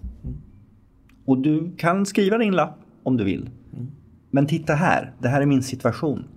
Och kan vi inte se på det utifrån mitt perspektiv en kort sekund? Och det, det som händer där eh, är ju något som vi var inne på tidigare och det är kommunikation. Hela skolan, det du råkar ut för är att du kommer ut som en vinnare i en situation därför att du kan kommunicera hur du ser på situationen på ett sätt som är nästan omöjligt att avskriva. Fast jag upplever att det var han som vann. Därför att han fick behålla sin stolthet. Och han fick också behålla sin värdighet. För det var inte en, det var inte en nedlåtande kram utan det var en vänlig kram. Ja, det är en win-win för du slipper ju boten. Precis. Det är ju en, en eh, väldigt viktig fråga det här med, med hur, alltså, vem, vem gör rätt och vem gör vad och så här. Va? Försöker närma mig tanken kring en, en, eh, en st- de stora penseldragen i, i svensk skola kan, kan liksom på något sätt eh, förankras i det du säger där, där vi har egentligen en, en eh, en del som jag väljer att kalla för ett lydnadsparadigm. Ett antal elever som väldigt gärna vill ha en avprickningslista för att veta vad de ska få, kunna få för betyg. De finns där ute. Jag vet inte hur många procent de är av våra elever idag. Eh, och det finns lärare där ute som, som väldigt gärna vill sätta de summativa proven så vi kunna räkna ihop för att sätta ett betyg. Så, va? Eh, Som, som också är, är fast i ett lydnadsparadigm. Va? När de möts då får vi en matchning som är fantastisk. Vi ser det i hela Sydostasien. Man skjuter i höjden i PISA-mätningar som inte är av denna världen. Liksom. Ehm, det, är den ena, det är det ena alternativet. Sen har vi elever där ute som på något sätt bygger på ett förståelseparadigm som vi kan uppleva som obstinata, lata, svåra. Men vad, som, vad de egentligen säger utan att använda ord till oss är förklara för mig varför jag ska göra det här och vad jag ska ha det till och hur det påverkar mig och hur jag kan lära mig det så ska du få se en sätt att jobba som du aldrig har sett tidigare. Vi kan dra parallellen till killen du mötte där som, som gick till skolan på grund av dataspelsdiskussionen. Och så finns det lärare där ute som flippar sina klassrum, som är nyfikna, som går in kanske och, och spelar en teaterpjäs där de ska introducera någonting eller gör någonting i den här, den här stilen. Det, och det är ingen värdering mellan vad som är bra och dåligt i de här lärarfronterna. Men när de här eleverna som är väldigt mycket ser mig, vi- vi gör, jag vill utvecklas på det viset, träffar de här lärarna, då har vi en matchning. Men det, det ser vi väldigt sällan. Sverige är på väg dit med den här typen. Vi har utvecklat, vi har haft elevdemokrati länge, vi har haft elevinflytande. Vi har låtit våra barn ta plats i samhället så de har etablerat ett nytt sätt att tänka. Och vi kan aldrig bakbilda det. Vi kan aldrig tvinga de, de som börjar tänka så att bli lydnadsbarn och kommer aldrig köpa det. Pratar man om det här med att svensk skola skulle vara i kris. Jag sätter mina citationstecken, det är ingen som ser dem i radio men jag sätter dem ändå. Ehm, då är det ju en missmatchning. Det är ju när elever som gärna vill ha en avprickningslista på vad de ska göra för att få betyg får en lärare som kommer in som Karl XII. Det kommer att köra sig fullständigt. Eller den andra missmatchningen. När elever som säger Wow, jag älskar att lära mig matte genom att vara ute i skogen. Får en lärare som helst känner att min styrka sitter i att bygga upp min undervisning i etapper på samma sätt som matteboken. För jag vet, då, då kommer jag till min rätt som pedagog och jag blir en spännande och intressant pedagog på det viset. Missmatchning. Och på grund av att vi har hela spannet i Sveriges skola idag så ser vi oftare missmatchning än matchning. Vi ser oftare sådana här krockar som du träffar med din, med din p-vakt där. Och de är inte, de det är inte självklart att de blir så lyckade som de blev i ditt fall utan ibland kan det bli en... Nej, och jag kan, jag kan, jag kan många gånger uppfatta att, att eh, det, det finns en struktur, alltså vi håller på att strukturalisera vi, vi gör Excel-ifierar, gör Excel-ark, ramar som vi ska hålla oss innanför. Och vi vågar inte ta oss utanför de ramarna. Vi vågar inte köra vilse ibland Eh, utanför. Därför att, därför att vi mäter ramen. Och det är så viktigt att vi tickar. Oavsett om du är polis så ska du liksom ticka av hur många du har kontrollerat och du ska ticka av hur många det var som åkte fast och du ska ticka av hur det var. Eller om du är lärare så ska du betyg, du ska kvantifiera, du ska eh, visa att du har en beprövad, vetenskapligt beprövad metod och, och, så ska du kunna på något sätt rapportera. Och rektor ska uppfylla sin budgetmål och han ska göra det och det och det och det. Och politikerna ska, de har ju ännu roligare tillvaro för att de har, som jag säger, det är som om de eh, deltog i eh, Paradise Hotel. Det är omröstning varje vecka i någon slags gallupundersökning och sen är det eh, slutomröstning vart fjärde år. Där de ska väljas in eller väljas ut. Och det är klart att de påverkas av de här sakerna. Och, och vad gäller skola så har alla åsikter och, och, och då jobbar man utifrån, utifrån att, att man ska vinna nästa eh, så att säga gallupundersökning. Mm. Och då blir det ju för de som inte har helheten. Om det bara var lärare som skulle rösta för, för åtgärderna, då hade, då hade politikerna kommit med andra förklaringsmodeller. Därför att då möter de ju någon som förstår helheten. Och som förstår sammanhanget och som, som, som förstår det flippade klassrummet eller inte flippade klassrummet och matchningen mellan olika inlärningstyper och så vidare. Men nu är det föräldrar, eller ännu mer, det är de som gick i skolan på 60-talet eller 50-talet. Som, som är en del av de som röstar och tycker till. Och det ser helt annorlunda ut. Därför att du har elever som kommer till skolan idag som har lärt sig engelska därför att de har spelat dataspel. Du har elever som, som har förståelse för saker och ting på ett helt annat sätt därför att man pratar om läsförståelse. Uh, man läser inte böcker. Nej, man läser inte böcker. Men man läser text på internet. Man sätter sig in i frågor. Man gör det på ett helt annat sätt. Och det ser annorlunda ut. Och det gör annorlunda saker med vårt sätt att tänka. Mm. Alltså vi påverkas på ett sätt som är som vi som är gamla inte riktigt har förstått, tror jag. Det ligger nog mycket i det. Och jag funderade för ett tag sedan kring det här med... Jag ställde en fråga ut, ut på Facebook, du vet, bara skrek den rakt ut i luften mm. så se, se vad som kom tillbaka. Just eh, vad skulle samhället sakna om vi tog bort all typ av skola? Barnvakt skrev jag. du skrev barnvakt. Du var, du var inte ensam om att skriva barnvakt eller omsorg eller liknande. Men det fick mig att tänka. Naturligtvis är det så att väldigt många av eh, våra eh, arbetsföra män eller kvinnor hade fått eh, eh se, se en annan typ av arbete om man skulle ta hand om sina barn mer. Eh, så det är en naturlig tanke. Vad som oroar mig lite grann är att det är väldigt få när jag ställer den här frågan som, som hittar vägen till lärandet. Alltså man, man tänker sig inte att det är det självklara. Och då tänker jag, okej, okay, det beror naturligtvis på att väldigt mycket lärande sker utanför skolan idag. Vi kan, man, jag sa vid något tillfälle, om man ska använda uttrycket, peak schooling. Mm. Alltså vi har det här engelska uttrycket peak oil. Vi har passerat brytpunkten för hur mycket olja vi kan använda. Men eftersom att vi inte har hittat något annat sätt så fortsätter vi att använda olja. Vi har passerat brytpunkten för att det fanns en tid för lång tid tillbaka sedan innan du och jag gick i skolan innan vi var födda. När, när skolan var den besittaren av all kunskap. Och lärarens jobb var lite oförsiktigt uttryckt att ta in så mycket kunskap som möjligt, sortera upp och portionera ut i lagom bitar till, till lärjungarna och adepterna. Idag finns all information överallt.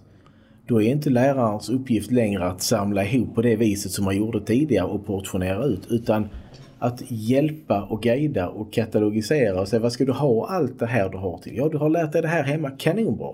Och det, det har du lärt dig kring dataspelet. nu är, det, nu, nu är det engelska här som vi ska katalogisera in dig. Hur ska du ta det du har från dina dataspel in i engelskan? Va? Det kan, vi, kan vi komma på hur vi ska göra, precis som du säger, kan vi göra det på ett annat sätt? Så eh, kommer vi att ha rätt häftig skola framöver. Men om vi riskerar att falla tillbaka i en, en peak schooling, alltså peak skolningssituation där vi, där vi känner att vi fortsätter att göra som vi alltid har gjort. Trots att förutsättningar har ändrats totalt vad det gäller information och, och lärande hos våra unga. Då är det frågan om hur länge vi kan fortsätta vara relevanta. Det händer hela tiden ute på våra skolor att vi jobbar med detta. Det är, alla skolor jobbar med det. Men frågan är, om man tittar på vad som händer i samhället och medias bild av skolan, kommunicerar vi det? Är vi duktiga på att tala om de förändringar vi gör? Eller är gängse bild hos väljarna, som du var inne på nyss, som ska bestämma över skolan, att det är som det alltid har varit? Men, men det här är jätteintressant därför att det, det, är, det är ju det som är det multimodala lärandet eller mm. kunskapandet jämfört med det linjära. Alltså tidigare så var man tvungen att gå till biblioteket, man var tvungen att leta upp informationen, den var katalogiserad i någon form, det fanns en struktur. Eh, och, och, och om vi ska titta på strukturen, behovet av struktur, så kan vi gå till Linné som är en av världens mest kända svenskar de facto. Eh, därför att han strukturerade växtriket på ett sätt som gjorde att det blev begripligt för folk att, att kunna hitta rätt i rätt växtrik. Sen var, gjorde han lite misstag som man sen har rättats till. Så ser det inte ut idag.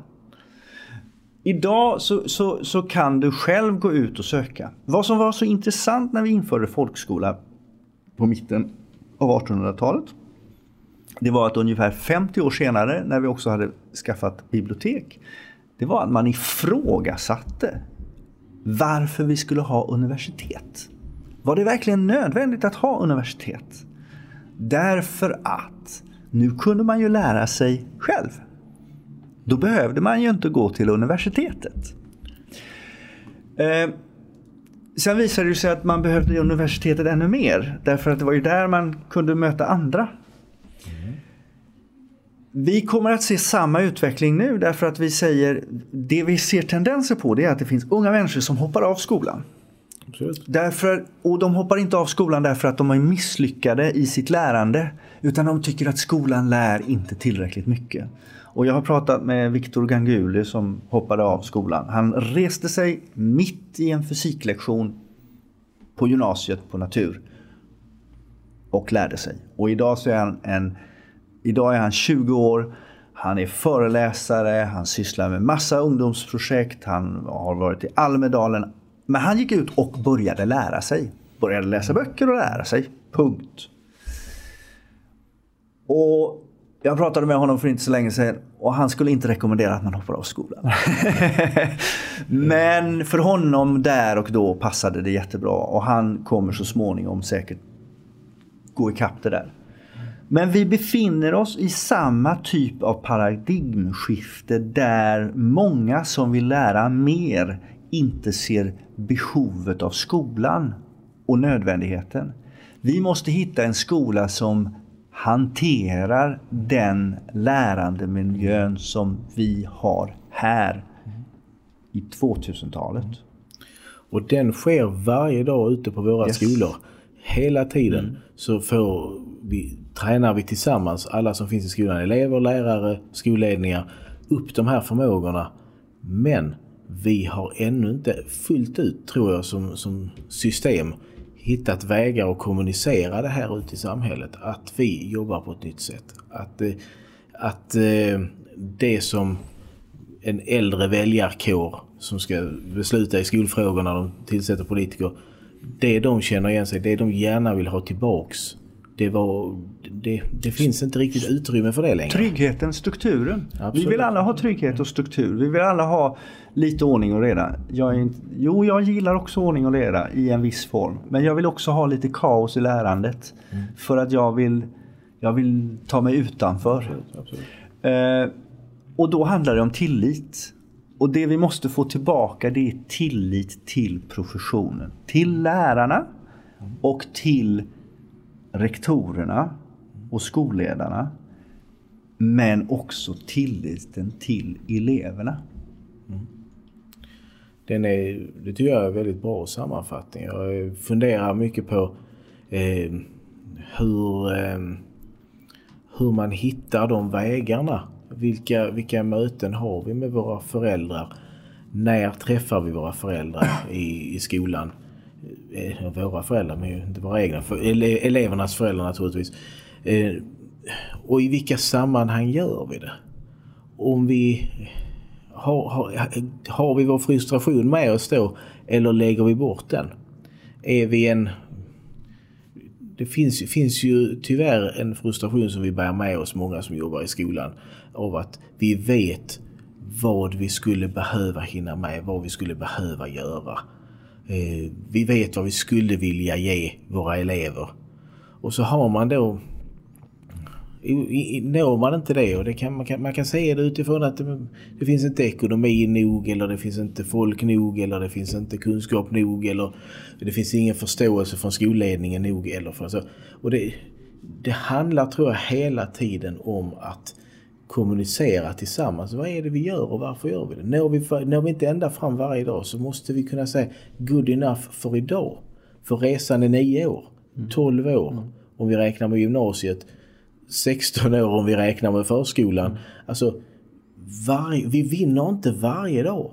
Men varje dag som vi tar kampen så är vi ett steg närmare totalsegern för varje elev. Och då får det inte bli ett misslyckande i form utav ett betyg eller i form utav att en rist, ett rektorsområde har si och så många som inte har gått ut med full, fullgoda betyg. Därför att det kanske är det kanske är, ta den här killen som jag pratade om och som jag har skrivit om på, i, i min blogg. Han som hade 5F. Men som stod ju jämte killen som sköts med fyra skott. Mm. Och, och, när han, han läste i min blogg tillsammans med mig i en livsmedelsbutik. Och så scroll, jag är ju sån, jag kan ju inte låta bli att testa. Så jag scrollade i min läshastighet. Och han läste lika fort som jag, 10-12 år gammal. Så jag ställde ju frågan så här, du måste ha fantastiska betyg. Och då säger jag så här, nej jag hade 5F. Och då säger jag, jaha. Mm, vad hände då? Ja, pappa var ju inte så glad. Men han var ju mest arg på skolan som inte hade sagt till innan betyget kom. Mm, och, och då har jag lärt mig, pusha inte, vänta tills svaret kommer. Och så frågade han vad skriver du om? Och så berättade jag att, att jag, skriver, ja, jag skriver också om, eh, om skjutningarna. Så vi tog jag upp en debattartikel jag hade skrivit i Göteborgs-Posten. Så läste han den. Och så när han kommit en bit in i den så säger han de här orden. Jag stod jämte han somalien som blev skjuten med fyra skott. Och så blir jag tyst och så säger jag så här. Vad tråkigt.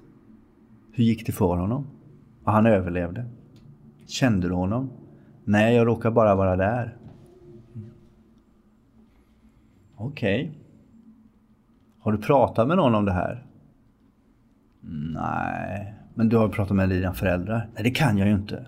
Varför inte då? Då får jag inte gå ut. Och så pratar vi lite annat och så kommer vi tillbaka och så säger jag så här, men eh, hur är det? Hur klarar man det? Man sover väldigt dåligt. Okej. Okay. Ja, de första veckorna. Hur är det nu då? Äh, nu är jag ute och spelar fotboll och då blir man trött och då kan man sova. Mm.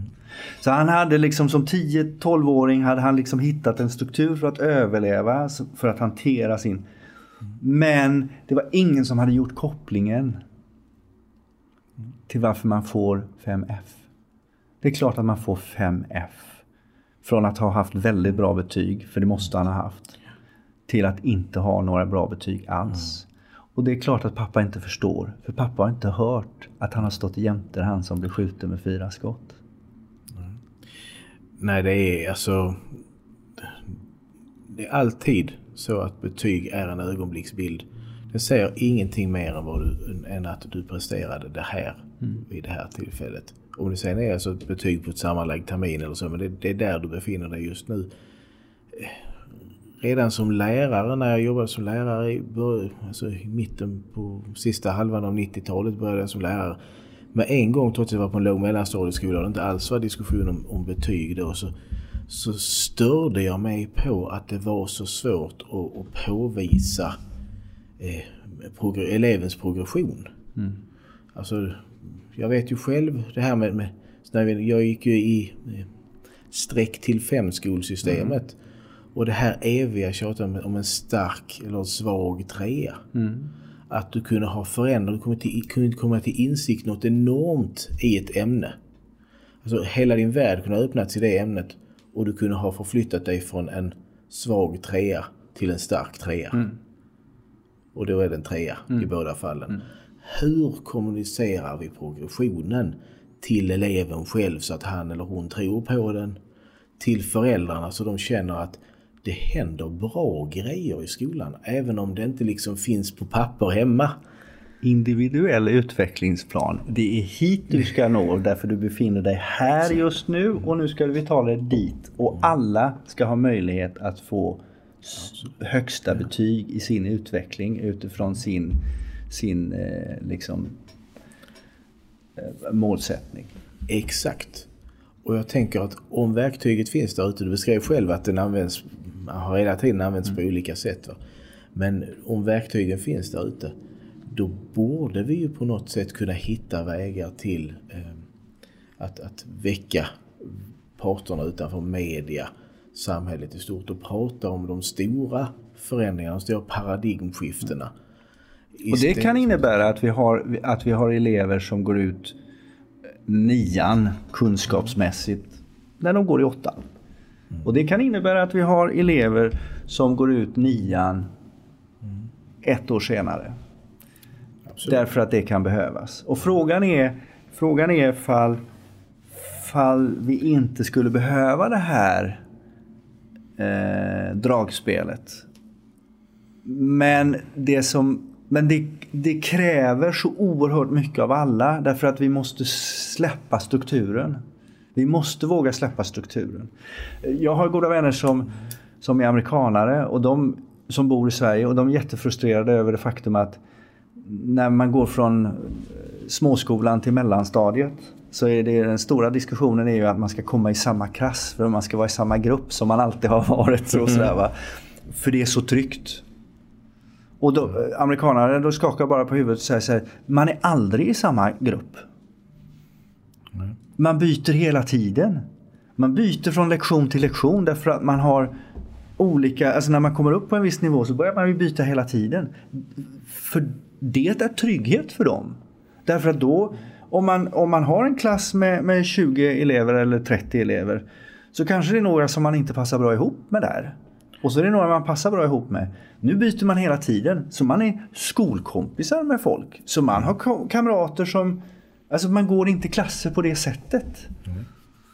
Och, det, och, och, då måste man våga förhålla sig till det. Men om vi nu har byggt upp den här strukturen att det finns en trygghet i det här.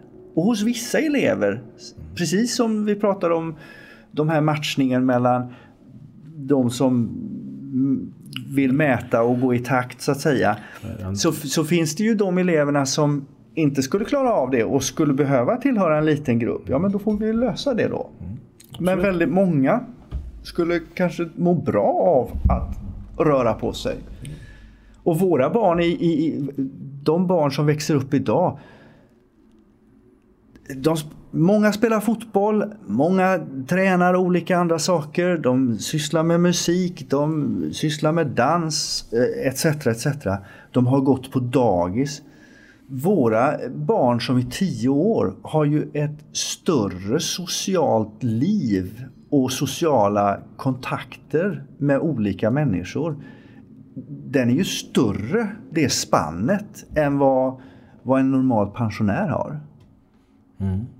De kanske har 50 stycken ung, jämnåriga som de har känner till namn eller vet vilka de är eller har spelat eller gjort saker och ting tillsammans med. Och det där glömmer vi bort. Mm. Att det är annorlunda det också. Vi, le vi lever i en värld som är i ständig förändring alltså.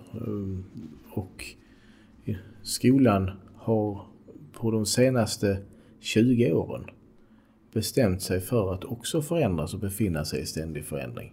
Sen om den ska vara politisk eller om den ska vara så att säga styrd inifrån vad vi ser för behov. Men den har börjat röra på sig och den, den, den, vill, den vill ta ut en riktning. Mm. Och kanske är det just därför som det just nu är så många som tycker så mycket kring skolan. För att man, man känner en, en förväntan inför att skolan efter väldigt, väldigt många årtionden av, stå, alltså, av att vara på ett visst sätt är sugen på att röra sig åt något håll och alla slåss om rodret utav vilken färdriktning som ska tas fram. Ehm, då är det ju frågan om är vi ute efter att röra oss i riktning mot en, en kvalitets eller en, en, en resultatförbättring? Eller är vi ute efter att röra oss mot en kvalitetsförbättring? För det är inte lika med tecken mellan det här. Du kan få en resultatförbättring så som är, är gångbart i politiken idag genom att se till att skolan stannar upp och, och fryser, fryser till igen och gör, får de där rutinerna som de har haft hela tiden. För de var väldigt framgångsrika. Det är också väldigt, alltså, mm. Under lång tid så hade vi bra studieresultat utifrån att, att en, en lydnadsskola fångade upp lydnadselever och föräldrar och alla i samhället var nöjda med detta. Eh, då kan vi få en resultatförbättring ganska snabbt till och med. Men då rättar vi oss i ledet och det är rätt många som står i det ledet för oss i, i, den, i den kön. Vi har hela Sydostasien, vi har våra kompisar i Finland som vi så ofta jämförs med. De står redan där och vi, vi kan ställa oss i det ledet och frågan är hur långt fram vi kan komma. Vi kan ställa oss i det ledet igen menar du? I det ledet mm. igen, precis så kan man uttrycka det.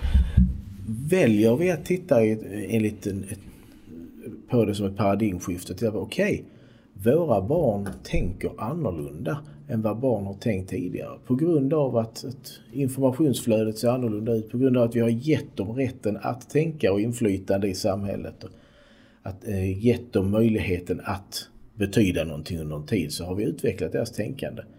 Vad kan, om vi tar ut skolan och går åt den riktningen, då kommer kvaliteten på deras kunskaper att öka. Men vi har inte mätvärdena i nationellt eller internationellt för det just nu. Samhället och strukturen gör ju att man, man förväntar sig det man ser eller tror sig se. Mm. Jag träffade en ung man. Han har gjort militärtjänst. Han har varit ute och rest i Afghanistan. Han har kommit från Norrland. Han har uh, utbildat sig till fordonsmekaniker. Men det tog inte så lång tid innan jag insåg att det här är en man som läser böcker. Det här är en man som funderar väldigt mycket. Eh, och numera så jobbade han i Norge som mekaniker i en gruva och tjänade fruktansvärt mycket pengar. Och jag sa ganska snart, men varför läser inte du på universitetet? Du är ju intellektuell. I hans värld där han kom ifrån så så var inte det ett val. Eh, han sa, men jag saknar lite betyg för att kunna söka in till en ingenjörsutbildning. Alltså jag saknar så. Men jag kan ju liksom inte hoppa av och läsa komvux på det, på det sättet. Det funkar inte för mig. Nej, så jag, du skulle egentligen behöva gå in och checka in och, och ta dem där. Träffa en coach, göra det, lägga upp en plan som passar dig och så göra det. För att vi ska ta tillvara din förmåga. Men, men han var lika brydd över det faktum att han hade kommit fram till att han var intellektuell. Uh, alltså oerhört, alltså mycket funderande, mycket så. Men gjort massa sådana saker som passade i samhället. Och vi måste, vi måste hitta alla de som vill ta sig någonstans. Och matchningen handlar om att hitta rätt plats för rätt person. Låt dem läsa i kappgymnasiet senare. Om det är 3000 som i Göteborg sökte till, till eh, tekniskt basår. Låt alla de 3000 läsa tekniskt basår. Sen kan de få läsa fysik, matte, eller kemi eller biologi på, på universitetet. För det kan man göra i storklasser och man kan göra, lösa massa sådana saker. Men om, om, om 3000 elever vill lägga ytterligare ett år från sin grundutbildning. Samtidigt så har vi brist på lärare. Vi säger att man inte är tillräckligt naturvetenskapligt intresserad. Etc. etc. Men det intresset växer ju uppenbarligen lite senare. Därför att det finns så mycket annat som kommer in tidigt i livet idag. Då får vi väl flippa det då, då och säga det. Läs det sen då, då. Ge dem möjligheten att göra det. Investera ett år till. Vad skulle hända om vi fick 3000 naturvetenskapare till? Alltså, mm. se möjligheterna. Mm. Jo, den är... Men då måste man också som politiker ha mod att våga gå utanför. Och inte följa det som är få det som är belagt eller man kan visa att det har varit på så sätt. Följ efterfrågan då. Efterfrågan finns där. Man vill utbilda sig. Mm.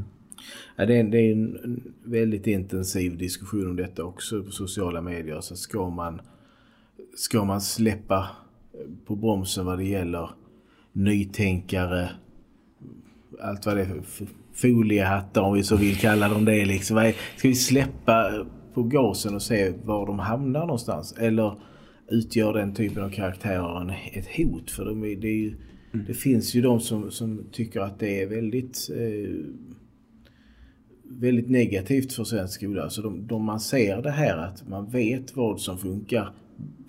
man kan titta bakåt och se vad som har funkat och vi kan komma dit igen. Det är, ju, det är ju de här två som polariseras. Det finns ju de som har gått sagt att de inte längre pratar i skolfrågor överhuvudtaget i sociala medier för det är eh, nästan eh, så att polarisering gör att det, det är övertygelse man pratar om. Det är inte längre en, en försök att komma till konsensus eller liknande utan det är en, väldigt mycket att man, man slåss för olika saker och man kan inte närma sig varandra ändå så måste vi fortsätta prata om det. Som sagt, skolan har börjat röra på sig. Hela, alltså, det här paradigmskiftet kommer ju att komma. Alltså vi, för att våra barn och ungdomar kommer snart att vara vuxna. Det är snart de som, som väljer. Eh, och de kommer att känna vad det var de hade velat ha ut av skolan och de kommer att, att se till att det är det skolan handlar om i framtiden. Förhoppningsvis, säger jag. För att jag menar, jag, jag företräder ju Eh, de som vill prova någonting nytt, de som vill eh, kanske se andra vägar. Som ser att vi har en, en ett, eh, ett effektbortfall i svensk skola idag utifrån att det finns väldigt starka motorer i våra barn som skolan inte kommer åt med nuvarande, nuvarande metoder. Och det, även, alltså, alla pedagoger vill ju komma åt det. Vi vill ju nå och, och våra elever till 100 procent. Men vi kommer inte åt det just nu. Det är inte, man skulle kunna säga att det är, det är skolans fel. Nej, det är det inte. Det är, ett, det är systemet för skola når inte de här barnen än. Men det händer grejer hela tiden med skolan och det är det som är är viktigt att skicka de signalerna till samhället. var nyfikna istället för kritiska så tror jag att vi kommer att nå i mål snabbare. Jag tror på skola. Jag tror att det finns jättemycket att, att lära. Och framförallt så, min erfarenhet är ju att jobba med företag och företag vill ju ha unga människor som vågar, är kreativa, som, som gör saker. Sen vill man säkert ha de här som match, matchar och, och, följer och bara gör precis det de ska. Men det som driver företag idag, det är ju kreativiteten, görandet, att våga hitta lösningar. Därför att man vill ha folk som söker, som hittar saker, som hittar den bästa lösningen. Och då måste man ha nyfikna människor som vågar misslyckas i sitt sökande och litar på att misslyckande leder framåt. De, de finns där ute överallt. Ja. Själv så brinner jag ju mycket för att ge pedagoger, jag träffar pedagoger dagligen i mitt jobb på en skola. Eh, och eh, jag brinner för att ge dem så vassa och bra verktyg så att de känner att de kommer till sin rätt med allt det kunnande i mötet med eleverna som de har. Så att det är det är därför jag fortsätter att prata i de här frågorna och kommer att fortsätta i mina haiku-dikter som vi säger på, på Facebook. Men det har varit jättetrevligt att Ja. vara i samtal med dig då. Stort tack! Tack själv.